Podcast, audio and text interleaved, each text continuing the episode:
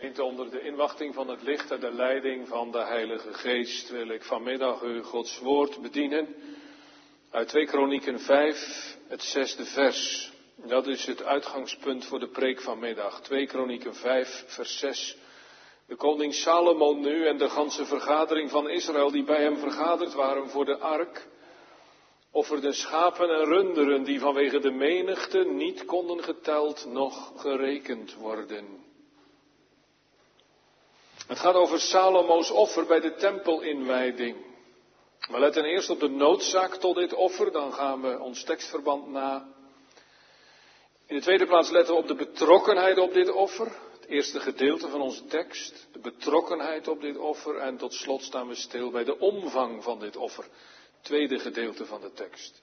De noodzaak tot dit offer. De betrokkenheid op dit offer. En de omvang van dit offer. Het zet ons stil bij Salomo's offer bij de tempelinwijding. Aan deze tempel heeft Salomo zeven jaar gebouwd.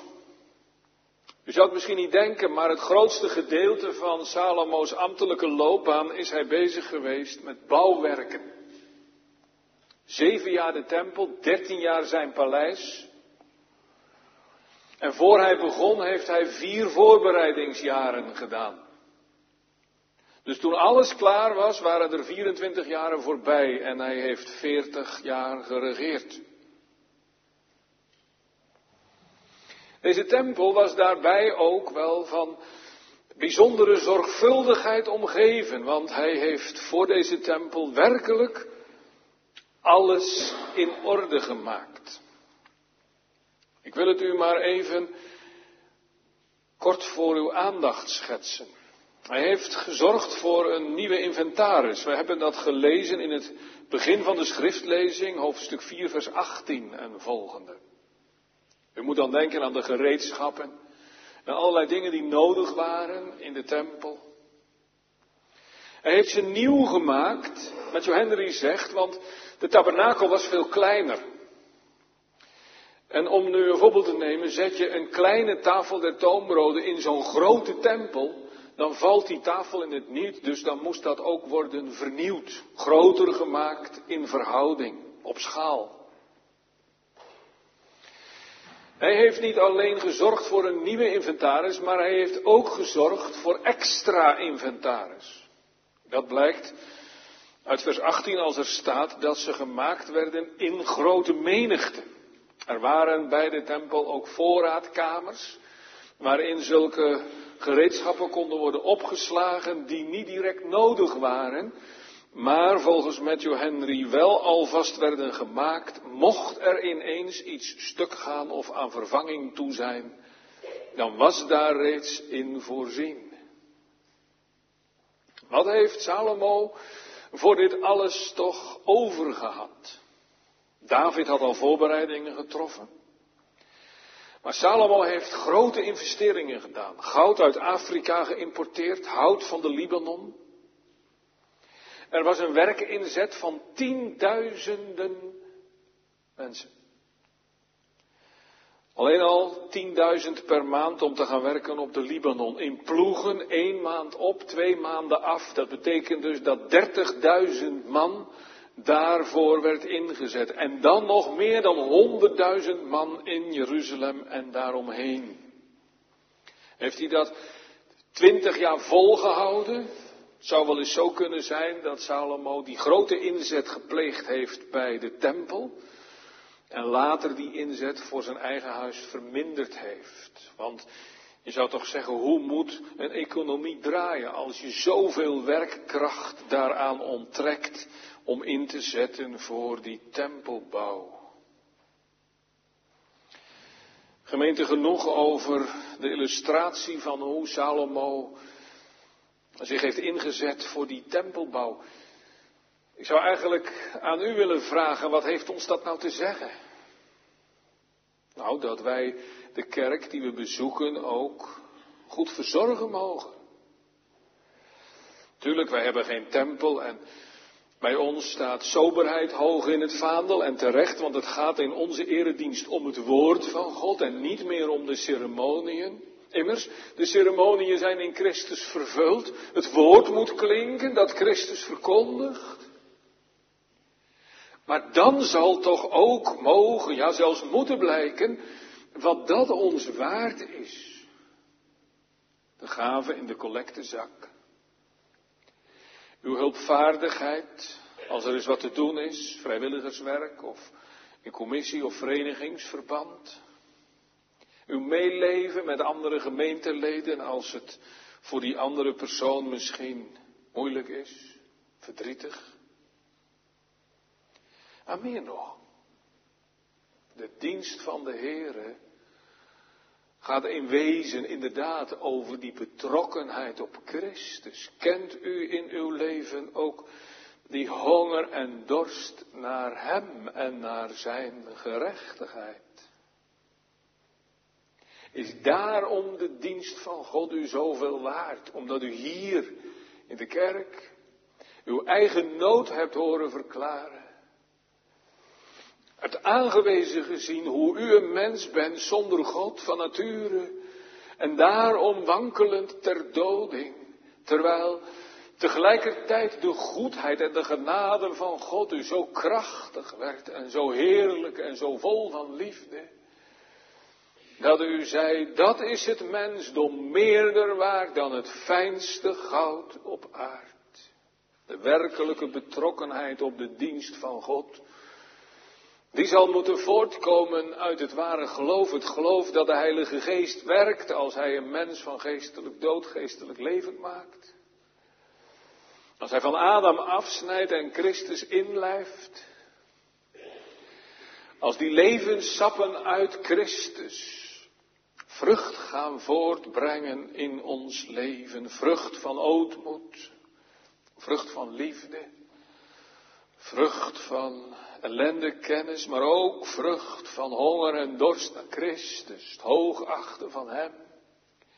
Het dienen en volgen van de Heere alle dagen van ons leven.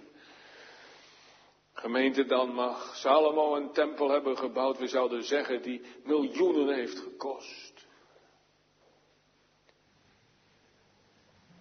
Dan vraagt de Heere van ons niet ons zilver, en ons goud in de eerste plaats. Maar dan zegt de Heer, mijn zoon, mijn dochter, geef mij uw hart.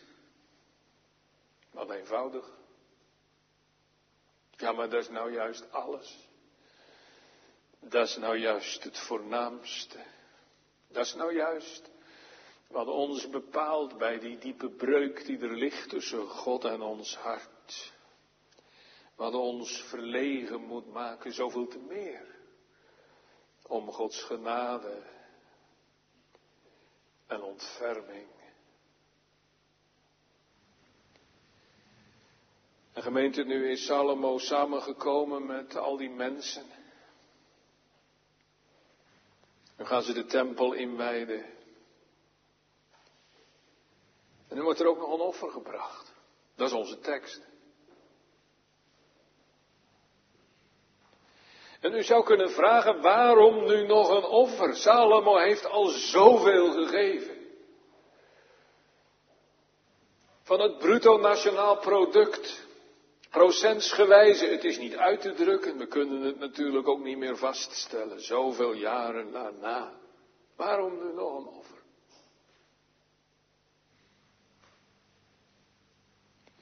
Matthew Henry zegt, de geheiligde dingen droegen bij aan de rijkdom van de tempel en misschien aan de schoonheid ervan. Maar zij konden niet bijdragen aan de heiligheid. Want niet het goud heiligt de tempel, maar de tempel heiligt het goud. Dat is kernachtig gezegd van Matthew Henry. Laten we het eens op ons in laten werken. Niet het goud heiligt de tempel, maar de tempel heiligt het goud. Alle stenen aan de muur waren afgedekt met planken van cederhout van de Libanon. En dat cederhout van Libanon was gepolijst met goud. O, hoe heerlijk blonk dat alles in het heldere zonlicht. Je zou zeggen, mooier, imponerender kan het niet. Jawel, dat zal waar zijn. Maar Matthew Henry zegt terecht, dat goud maakt de heiligheid niet uit.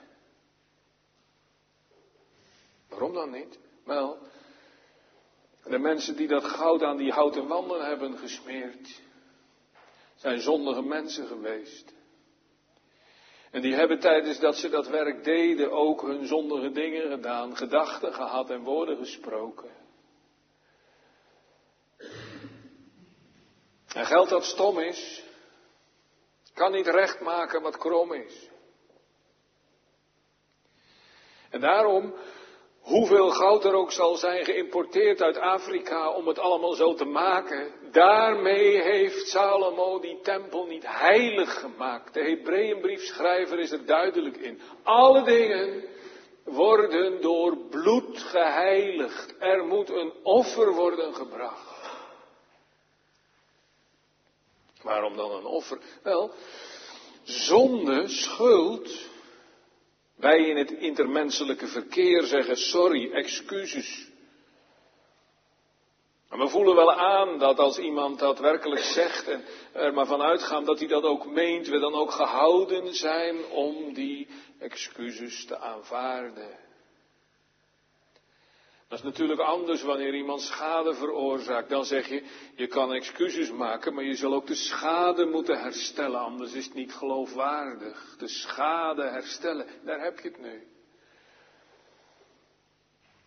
Als wij God willen dienen, als wij God willen liefhebben boven alles, dan zullen we de schade moeten herstellen die we hebben aangericht. Heb ik schade aangericht dan? Jazeker.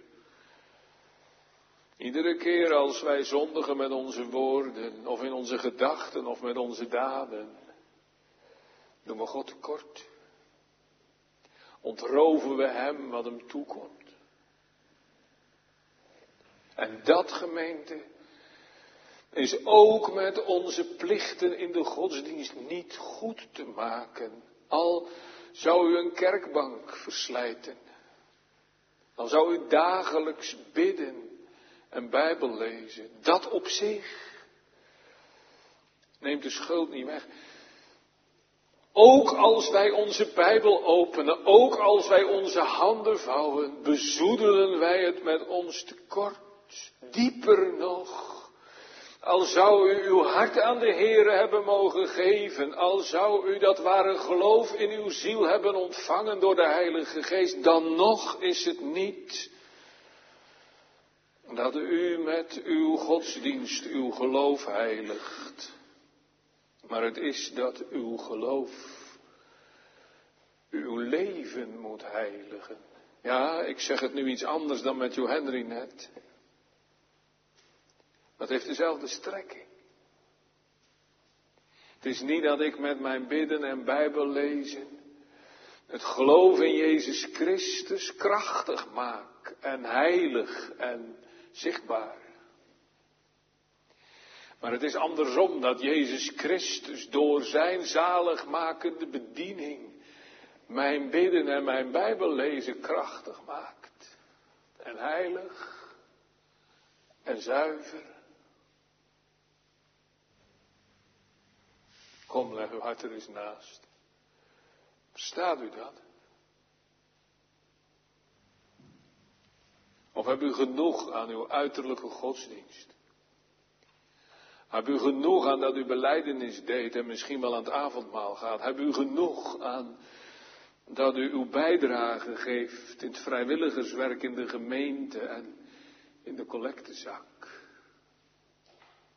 Heb u genoeg aan uw aangename kerkdiensten, aan de psalmversen die u met uw hart mag zingen, heb u genoeg aan uw liefde en uw ijver.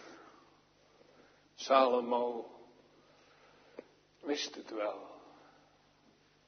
Er is een offer nodig.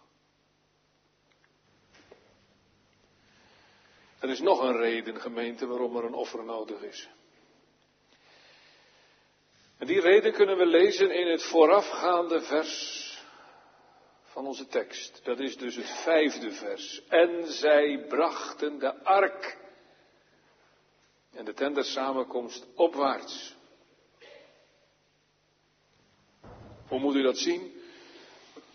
Oorspronkelijk moest de ark staan in de tabernakel. Die tabernakel had gestaan in Silo. Daar heeft Eli als hoge priester gewerkt. En dat is eigenlijk de laatste draad die wij nog hebben gezien van het hoge priesterlijk geslacht. Dus die tabernakel die stond in Silo. En David heeft vanuit Silo de ark laten opbrengen naar Jeruzalem. Onze jongens en meisjes kennen die geschiedenis.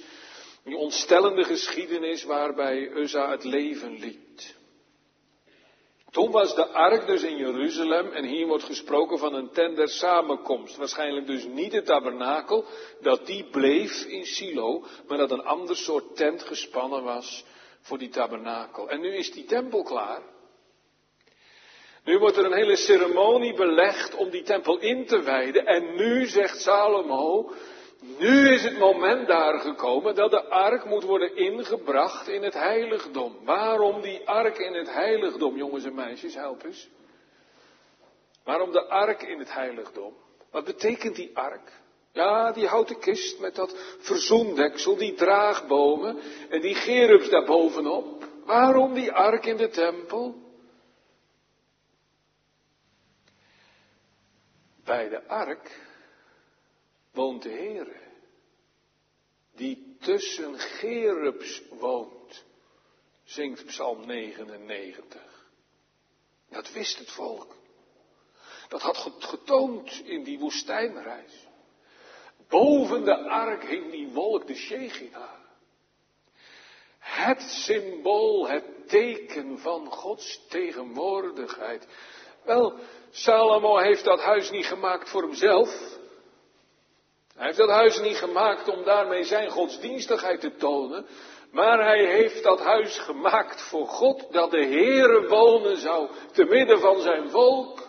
En daarom moet nu die tempel klaar is, die ark worden binnengebracht.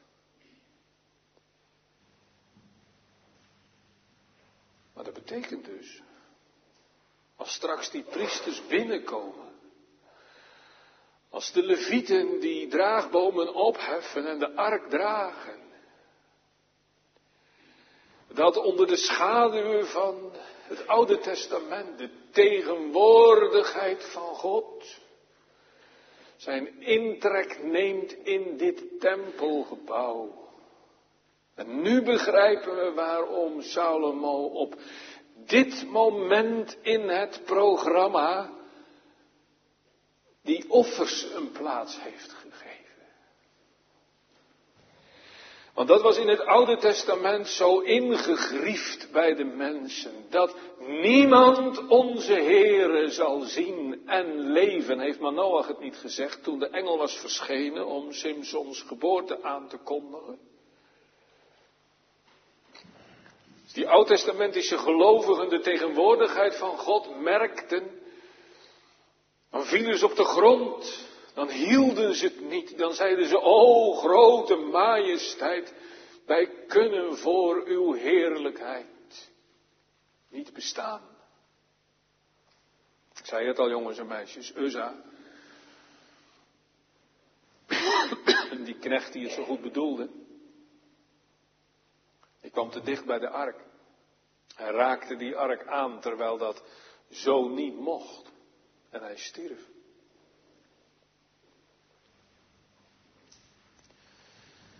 Dus alle goede bedoelingen ten spijt.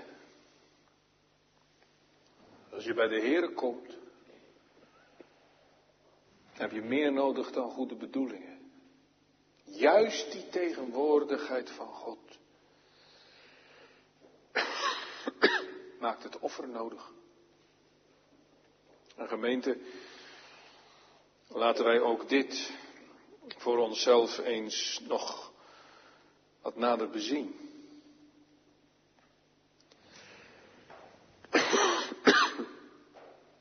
Voor Salomo was dit het hoogtepunt in de dienst van God. als zijn tegenwoordigheid komt in die heilige gebouwen. Wat is het hoogtepunt in de godsdienst voor u? Dat is toch zo wonderlijk, gemeente, als je hier in de kerk de tegenwoordigheid van God ervaren mag. Werkelijk hoor, als God je bekeert, dan drukt Hij de indrukken van die tegenwoordigheid af in je ziel, zo teer en zo krachtig. Niets van de wereld kan daar tegenop. Dan word je gebroken in je hoogmoed. Dan word je gebogen voor Gods majesteit. Dan komt er een droefheid in je leven, een droefheid naar God, die een onberouwelijke bekering werkt tot de zaligheid. Kom, leg uw hart er eens naast. Verstaat u dat? Dan heb u het geleerd. Heb u het geleerd dat juist wat betreft die tegenwoordigheid van God, dat ervaren van zijn gunst zo nodig is dat er offerbloed komt. Want wie zal God zien? en leven. Goed doet geen nut ten dagen der verbolgenheid, maar de gerechtigheid redt van de dood. Salomo heeft die geschiedenis van Uza natuurlijk ook gehoord. En Salomo heeft ook gehoord hoe zijn vader uiteindelijk de ark heeft binnengebracht in de stad Davids. Dat ging ook met zeer veel offers gepaard. Daarom dan nu ook alzo.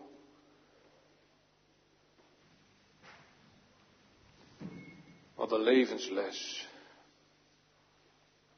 Om de noodzaak van het offer te leren. Het offer. Nee, niet dat wij nu schapen en runderen en offerdieren moeten meebrengen, maar wel dat wij Paulus leren verstaan, die zegt daarom heb ik niet voorgenomen iets te weten onder u dan Jezus Christus en die gekruisigd. Als alle dingen in de dienst van God dan door bloed geheiligd worden, hoezeer hebben wij nodig dat het bloed van Jezus Christus, Gods Zoon, ons reinigt van alle zonde. Want zonder dat offer kan niemand, ook u niet, ook ik niet, ook jij niet, voor God bestaan. De noodzaak tot dit offer, het was onze eerste gedachte. We letten vervolgens op de betrokkenheid op dit offer. Was dit offer van Salomo? Heeft hij het betaald? Dat zou heel goed kunnen, want dit was een heel groot offer, zoals we straks in de derde gedachte nog zullen zien. En om zo'n groot offer te kunnen betalen moet je rijk zijn. En Salomo was rijk. Een ander argument dat erop zou kunnen duiden dat Salomo dit offer heeft bekostigd, kunnen we ontlenen aan het feit dat Salomo meermalen grote offers heeft gebracht. Waarom dan ook nu niet? En toch gemeente, als we onze tekst goed lezen, dan zien we dat dit offer niet enkel maar van Salomo kan zijn geweest. De koning Salomo nu en de ganse vergadering van Israël die bij hem vergaderd waren. Dus ook andere mensen hebben offers gebracht. Daar was dus sprake van een persoonlijke betrokkenheid bij dit offer. Al die mensen die op dat tempelplein kwamen, die hadden een offerdier bij zich. En waarom dan? Wel, dat staat erbij, die bij hem vergaderd waren voor de ark. Het is nodig dat we proberen dat nog iets helderder voor uw aandacht te tekenen. U moet het zich zo voorstellen dat om het heiligdom heen de voorhof was. En centraal in die voorhof het brandofferaltaar. Maar dat ene altaar was onvoldoende om al die offers op te kunnen brengen. Onze derde gedachte vermeldt de omvang van dit offer. Zoveel dieren. Daarvoor heeft Salomo meer offerplaatsen ingericht. En dat heeft hij gedaan op de wijdere voorhof, die om de standaard voorhof heen was aangelegd. De buitenste voorhof. Daarin stonden nog meer altaren. En dan moeten we het ons dus zo voorstellen dat die ark de weg heeft gebaand van de buitenste poort naar de binnenste poort en dan door de binnenste voorhof naar het heiligdom toe. En dat langs heel die route er altaren hebben gestaan en dat langs heel die route dus mensen mochten komen in die voorhoven om daar hun plaats in te nemen. En al die mensen die in die voorhoven kwamen, die dus bij die ark kwamen, die moesten een offerdier bij zich hebben. Zo leid ik dat af uit onze tekst. Er waren nog veel meer mensen. Moet maar rekenen dat Jeruzalem volliep. Met pelgrims uit heel Israël. Er waren ook mensen die hadden geen plaats in die voorhof, die stonden buiten die voorhof, die rekten zich uit. Die keken over de omheining heen. Die vingen een glimp op, die roken de geur van de offerrook. Die hadden daaraan genoeg. Die zeiden, ik heb mijn plicht gedaan, ik heb meegeleefd. Het is goed voor vandaag. Die gingen weer over tot de orde van de dag. En er waren er dus, die kwamen terecht in die binnenste voor, of kwamen ze daar toevallig terecht? Hadden ze daar behoefte aan? Deden ze er hun best voor, extra vroeg van huis gegaan? Speciaal daarvoor een offerdier meegebracht? Ik weet het niet. Laten het rusten. Gaat over betrokkenheid bij onze tweede gedachte. Neem u met minste genoegen. Zeg je nou ja, als ik toch één keer op een zondag de dienst bijwoon en zo af en toe nog eens een keertje de middagdienst. Kan ook nog wel een keer naar een andere gemeente gaan. Kan ook nog wel een keertje meeluisteren via internet. Ben u zo gauw tevreden? Als ik het maar een beetje begrijp en volgen kan. Moeilijke preken, daar hou ik niet zo van. Maar verder, dan gaat het wel. Is dat uw godsdienst? Of is dit uw betrokkenheid dat u zegt, nu zal ik de Bijbel lezen, nu zal ik de psalmen zingen, nu zal ik gebeden doen. Maar als ik de gunst en de tegenwoordigheid van God niet heb in mijn hart, dan is het allemaal voor niks. Dan gaat het straks nog eenmaal tegen me getuigen. Is dat de reden waarom u betrokken bent op de dienst van God? Om in beeld van onze tekst te blijven, dat u een plaatsje zoekt in die binnenste voorhof. Dat u zegt, daar wil ik bij zijn. Het zal mijn eeuwige ondergang zijn als ik de tegenwoordigheid, de gunst van God moet missen. Het zal mijn eeuwig leven zijn als ik die ontvangen mag. En zulke gemeente, zulken die zo begeerig zijn, die zo uitziende, Gods dienst waarnemen, zulke leren dat ze een offer nodig hebben. Heeft Salomo het betaald? Ik zei, ik weet het niet. Misschien, misschien hebben die mensen het zelf betaald of meegebracht, gekocht onderweg of van hun veestapel genomen.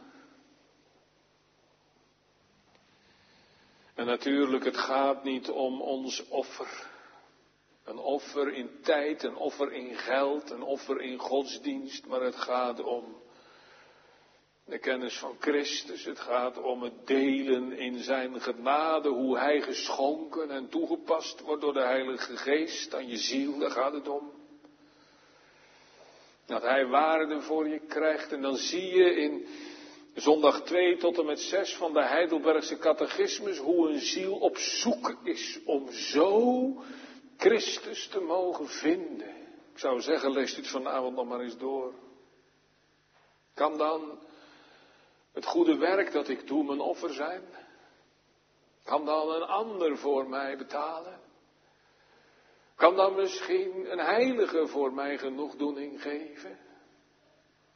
Zijn het dan misschien de werkzaamheden van mijn geloof waarmee ik iets kan meebrengen voor God? Kom, ben u verlegen om Christus te kennen. Zoekt u Hem. Zoekt u Hem bij dagen en bij nachten. Zegt u, geef me Jezus of ik sterf, want buiten Jezus is geen leven, maar een eeuwig zielsbederf.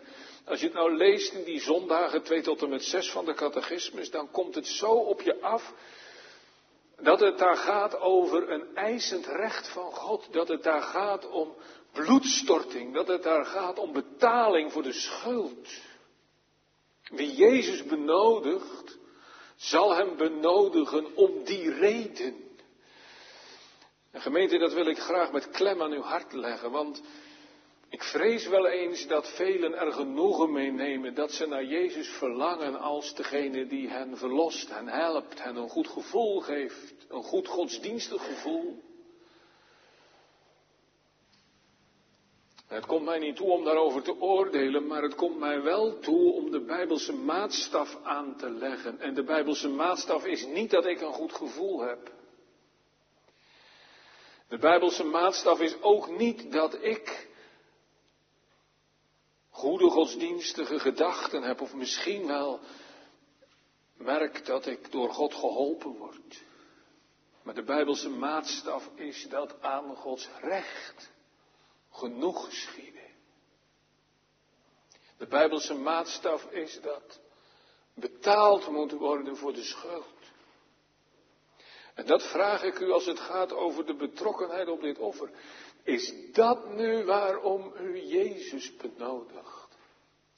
Is dat nu waarom u Hem zoekt? Dat u Hem nodig hebt als een zaligmaker die betaalt voor de schuld. Als een borg die tussentreedt bij de Vader. Als een offer dat zich vrijwillig geeft in de dood om schuld te betalen. Heeft Salomo het offer bekostigd? Dat zou kunnen. Dat hij zoveel offerdieren heeft laten verzamelen en heeft betaald en dat ze bij de ingang van dat tempelplein gratis ter beschikking werden gesteld. Kan u het niet betalen? Wel hier, neem dan dit schaap maar mee. En gemeente, zo mogen wij in de prediking Christus aanwijzen als dat offer, dat al die andere offers in de schaduw stelt. Want hij heeft met zijn offer aan Gods recht voldaan. Hij heeft met zijn offer de prijs betaald. Zie het lam Gods. Dat de zonde der wereld wegdraagt. Ik mag hem u prediken, niet dat u ervoor betalen moet. Maar dat hij betaald heeft. De betrokkenheid op dit offer. Ja, niemand te zondig. Niemand te oud of te jong. Kan u daarmee doen? Zeg u nou, dan is het weer ruim gepredikt, dan kan ik er van de week weer tegen. Gemeente zonder offer, die kwam je tempelplein niet op. Verstaat u dat? Dat het aangewezen wordt en aangeprezen, dat het aangeboden wordt, is groot, maar niet genoeg. Persoonlijk moet u delen in dat heil van Christus. Door het ware geloof dat die Jezus die wij u prediken, zelf tot u spreekt. Dat Hij tot u neerdaalt in uw verlorenheid. Dat Hij uw hoofd uit de gebreken opricht. Dat Hij u zijn stem doet horen, zijn genade u schenkt door het geloof in de ziel, betrokkenheid op dit offer, om zo Jezus te kennen. Dat hij geschonken is, geopenbaard bij God vandaan. Mag u hem zo kennen? Ligt daar uw leven? Geen leed zal het ooit uit mijn geheugen wissen. Als Jezus zo waarde kreeg, zo heerlijk werd. Kom u die de Heere vreest, u die Jezus zo hebt benodigd en zo kennen mag. Hoe heerlijk is zijn bediening. Hoe zalig het leven uit zijn genade. Ik weet het, in de kennis van Christus is onderscheid. Er zijn er van Gods kinderen die hebben meer omgang met Jezus mogen ontvangen. En daardoor Jezus ook meer leren kennen. En omdat ze meer hebben leren kennen, hebben ze ook meer onderscheiden kennis van Hem. Er zijn er die kennen Hem in het toevlucht nemen tot Hem. In het aanschouwen van zijn gewilligheid, van zijn gepastheid, van zijn dierbaarheid. Er zijn er die hebben meer geleerd van zijn noodzakelijkheid. Die hebben meer geleerd van zijn borgwerk. Die hebben meer geleerd van hoe hij juist in zijn borgwerk de ziel nabij komt. Er zijn er die hebben gezien hoe hij stond in Gods recht. Hoe hij de plaats innam, niet alleen van anderen, maar ook van mij. gaat er in de allereerste plaats om dat wij Christus kennen. Maar als we Christus kennen, dan zou ik willen vragen, is het bij u nog altijd hetzelfde gebleven? Of, of is daar ook die opwas in de genade en kennis van Hem? Dat te meer sterven aan jezelf, dat te meer veroordeeld worden door Gods wet, dat te meer te moeten ondergaan en dat om eigen schuld en dat te meer hem te benodigen, heerlijkheid in Hem te zien, de betrokkenheid op dit offer. Salomo's offer bij de tempelinwijding. We hoorden van de noodzaak tot dit offer en de betrokkenheid erop. Tot slot nog de omvang. Schapen en runderen die vanwege de menigte niet konden geteld, nog gerekend worden. Ontelbaar veel dan zijn we natuurlijk toch nieuwsgierig. Juist als gezegd wordt ontelbaar veel, dan denk je, ja, hoeveel waren het er dan? Zou je ze echt niet hebben kunnen tellen? In 2 Kronieken 5 wordt de voorbereiding getroffen tot het gebed. 2 Kronieken 6 vanaf vers 12, daar ziet u het gebed. En als u dan nog een keer omslaat, dan ziet u in zeven wat er gebeurt nadat Salomo gebeden heeft. Het gebed van Salomo is dus het middelste gedeelte van de ceremonie en die werd voorafgegaan en afgesloten door een inleiding en een uitleiding. En het bijzondere is dat ook bij die uitleiding weer van offers wordt gesproken.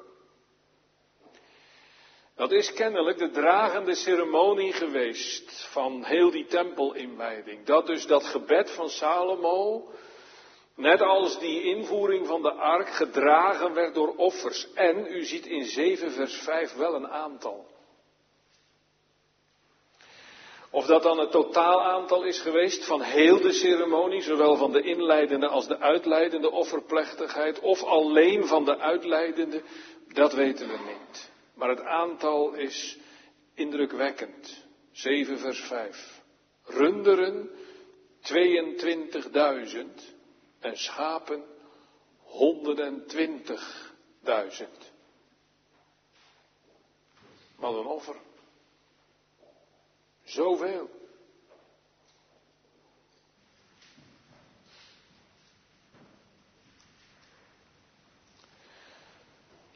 Waarom zo groot, jongens en meisjes?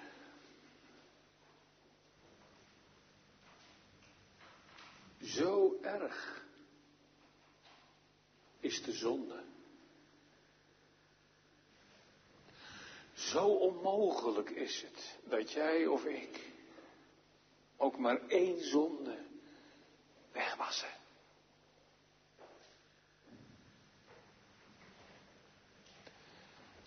Heb het hebt wel eens gevoeld dat je niet bij de Here kan komen. Dat daarvoor je zonden moeten worden vergeven. Je zo wel eens gesmeekt op je knieën voor Gods troon? Zul je het doen vanavond nog? Er moet een wonder in je leven gebeuren. Dat God je een nieuw hart geeft.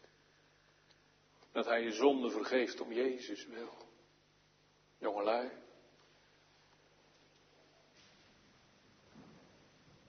Misschien heb je wel het idee dat godsdienst eigenlijk maar een moeilijke dienst is. Die ver van je afstaat. En die toch eigenlijk ook maar onbereikbaar is. Er zijn wel wat mensen die daar dan dichterbij komen, maar dan moet je aan zulke hoge voorwaarden voldoen. Ik kan jouw gedachten wel begrijpen. Het is ook zo dat Gods dienst niet eenvoudig is. Weet je, voor mensen zoals jij en ik is godsdienst eigenlijk onmogelijk. Dat komt omdat wij gezondigd hebben, omdat God zo hoog is en wij zo tegenover Hem zijn gaan staan. Dat komt omdat we genade nodig hebben en dat is van onze kant onmogelijk. En als jij nou je sombere gedachten hebt over de Bijbel en over de kerk en over het geloof, dan hoop ik dat je dat bedenkt. Probleem ligt niet bij God, probleem ligt niet bij de Bijbel, maar probleem ligt bij jou en bij mij. Is er dan uitkomst? Ja, die is er zeker. Want God heeft voor uitkomst gezorgd. Dat in mensen offeren. Proberen jullie jongelui je dat nou eens voor te stellen. Dat je zo'n offer van duizenden, tienduizenden dieren brengt in enkele weken tijd. En dan dus een altaar net voor het heiligdom en dan door de poort naar de buitenste voorhof en daar ook nog allemaal altaren. En hoeveel bloed zal één offerdier verliezen als het wordt geslacht? Neem eens een getal in je gedachten en vermenigvuldig het eens met al die duizenden dieren. Daar is een pad van bloed gebaand door dat heiligdom, vanaf het heiligdom door de voorhof en dan zo naar buiten. Over de drempel van de tempel heen en dan, dan te bedenken dat die lag op een berg, de berg Moria, 750 meter hoog. Daar is een straat van bloed gevormd. Ook de mensen die niet op die tempelberg waren, maar beneden aan, aan het werk of bij hun huizen, die hebben het gezien. In zonlicht glinsterde die berg rood van het bloed. Jeruzalem en wijde omgeving heeft het gemerkt, daar is bij God verzoening, daar is bij God genade.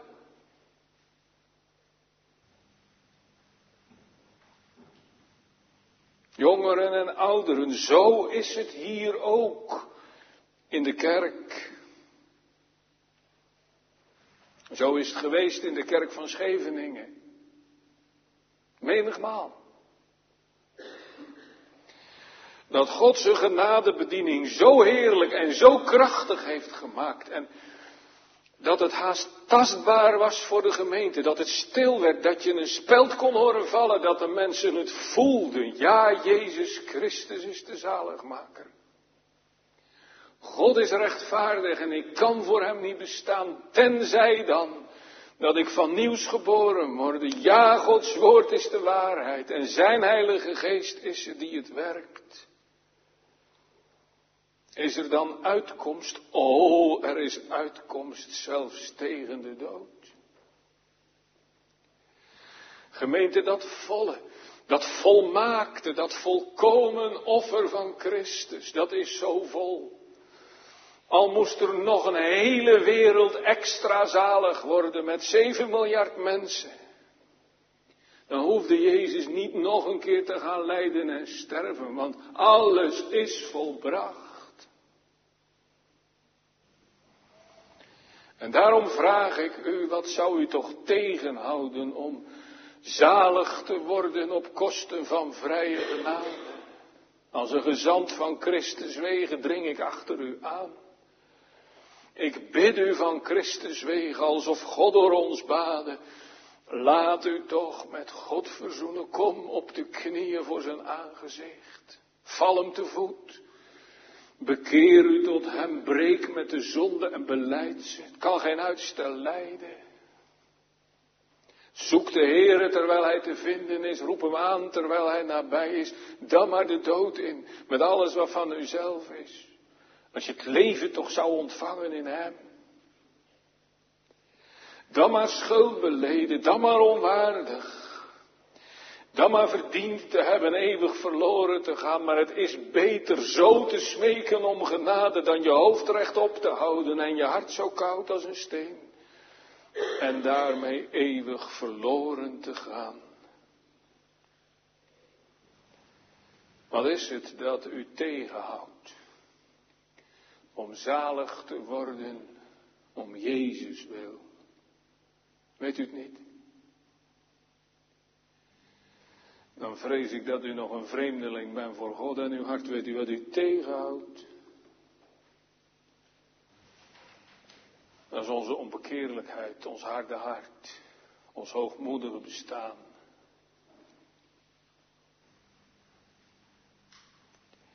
O, als de Heilige Geest woning neemt in ons hart, is dat het waar we last van krijgen. De verhindering tot de zaligheid ligt niet bij God, ligt niet bij Jezus, maar die ligt bij mij. En ik zei het vanmiddag, hoe dichter bij Jezus, hoe onmogelijker. Hoe dichter bij de vergeving, hoe schuldiger. Het is zo tegenstrijdig. Wat ik geplant heb, dat ruk ik uit. Wat ik gebouwd heb, dat breek ik af. En in plaats van dat je nou in je honger en je dorst naar Jezus dichterbij komt, kom je voor je gevoel alleen maar verder af. En in plaats van dat God het nou goed gaat maken voor je, krijg je alleen maar te maken met nieuwe bezwaren. Zitten er zo onder ons? Ik heb die uitdrukking wel eens gehoord. Had ik nou toch van Jezus bloed maar één druppel? Zou genoeg zijn. Er zijn mensen vandaag de dag die zeggen, nou dan, dan denk je toch ook wel een beetje gering over Jezus bloed. Dan wordt je zo'n grote stroom van bloed getekend. Zeker wel een beetje typisch bevindelijk taalgebruik om dan te spreken over een druppel. Ja, dat zal wel bevindelijk taalgebruik zijn, gemeente, maar ik geloof niet dat het geringschattend is hoor, om over een druppel te spreken. Juist niet.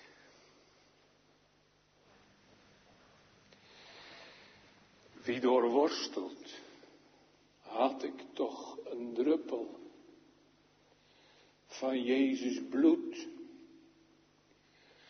Gemeente, die leert de waarde er nu juist van zien. Die leert geloven. Dat één blik op die lijdende, stervende zaligmaker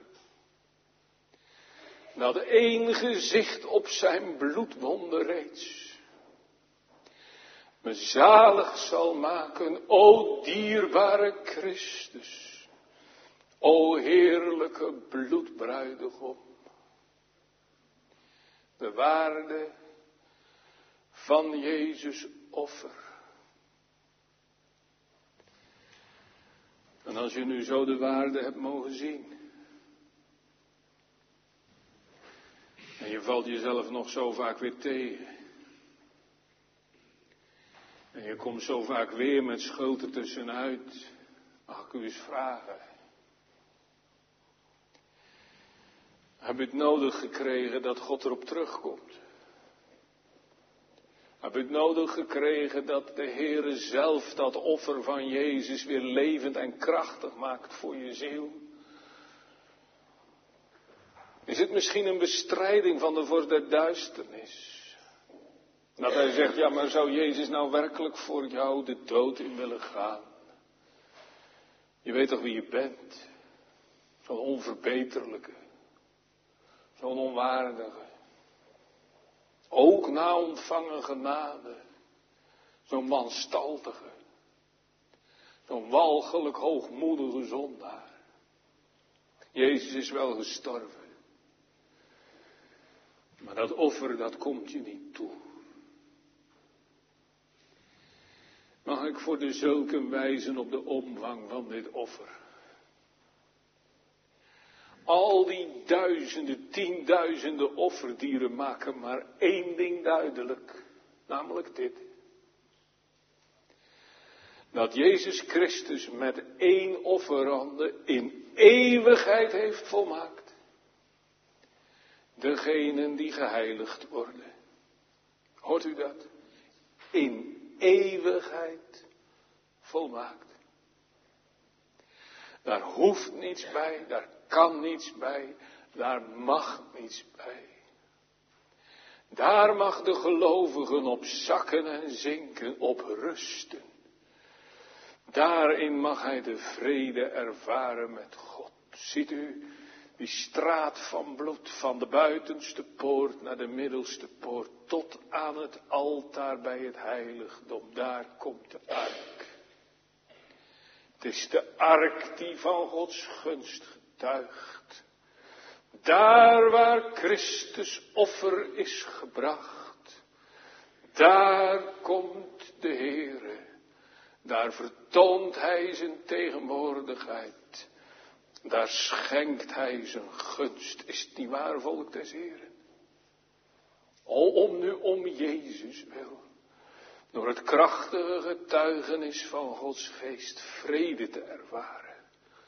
Op grond van recht. Matthew Henry zegt, als Christus gestalte heeft gekregen in een ziel.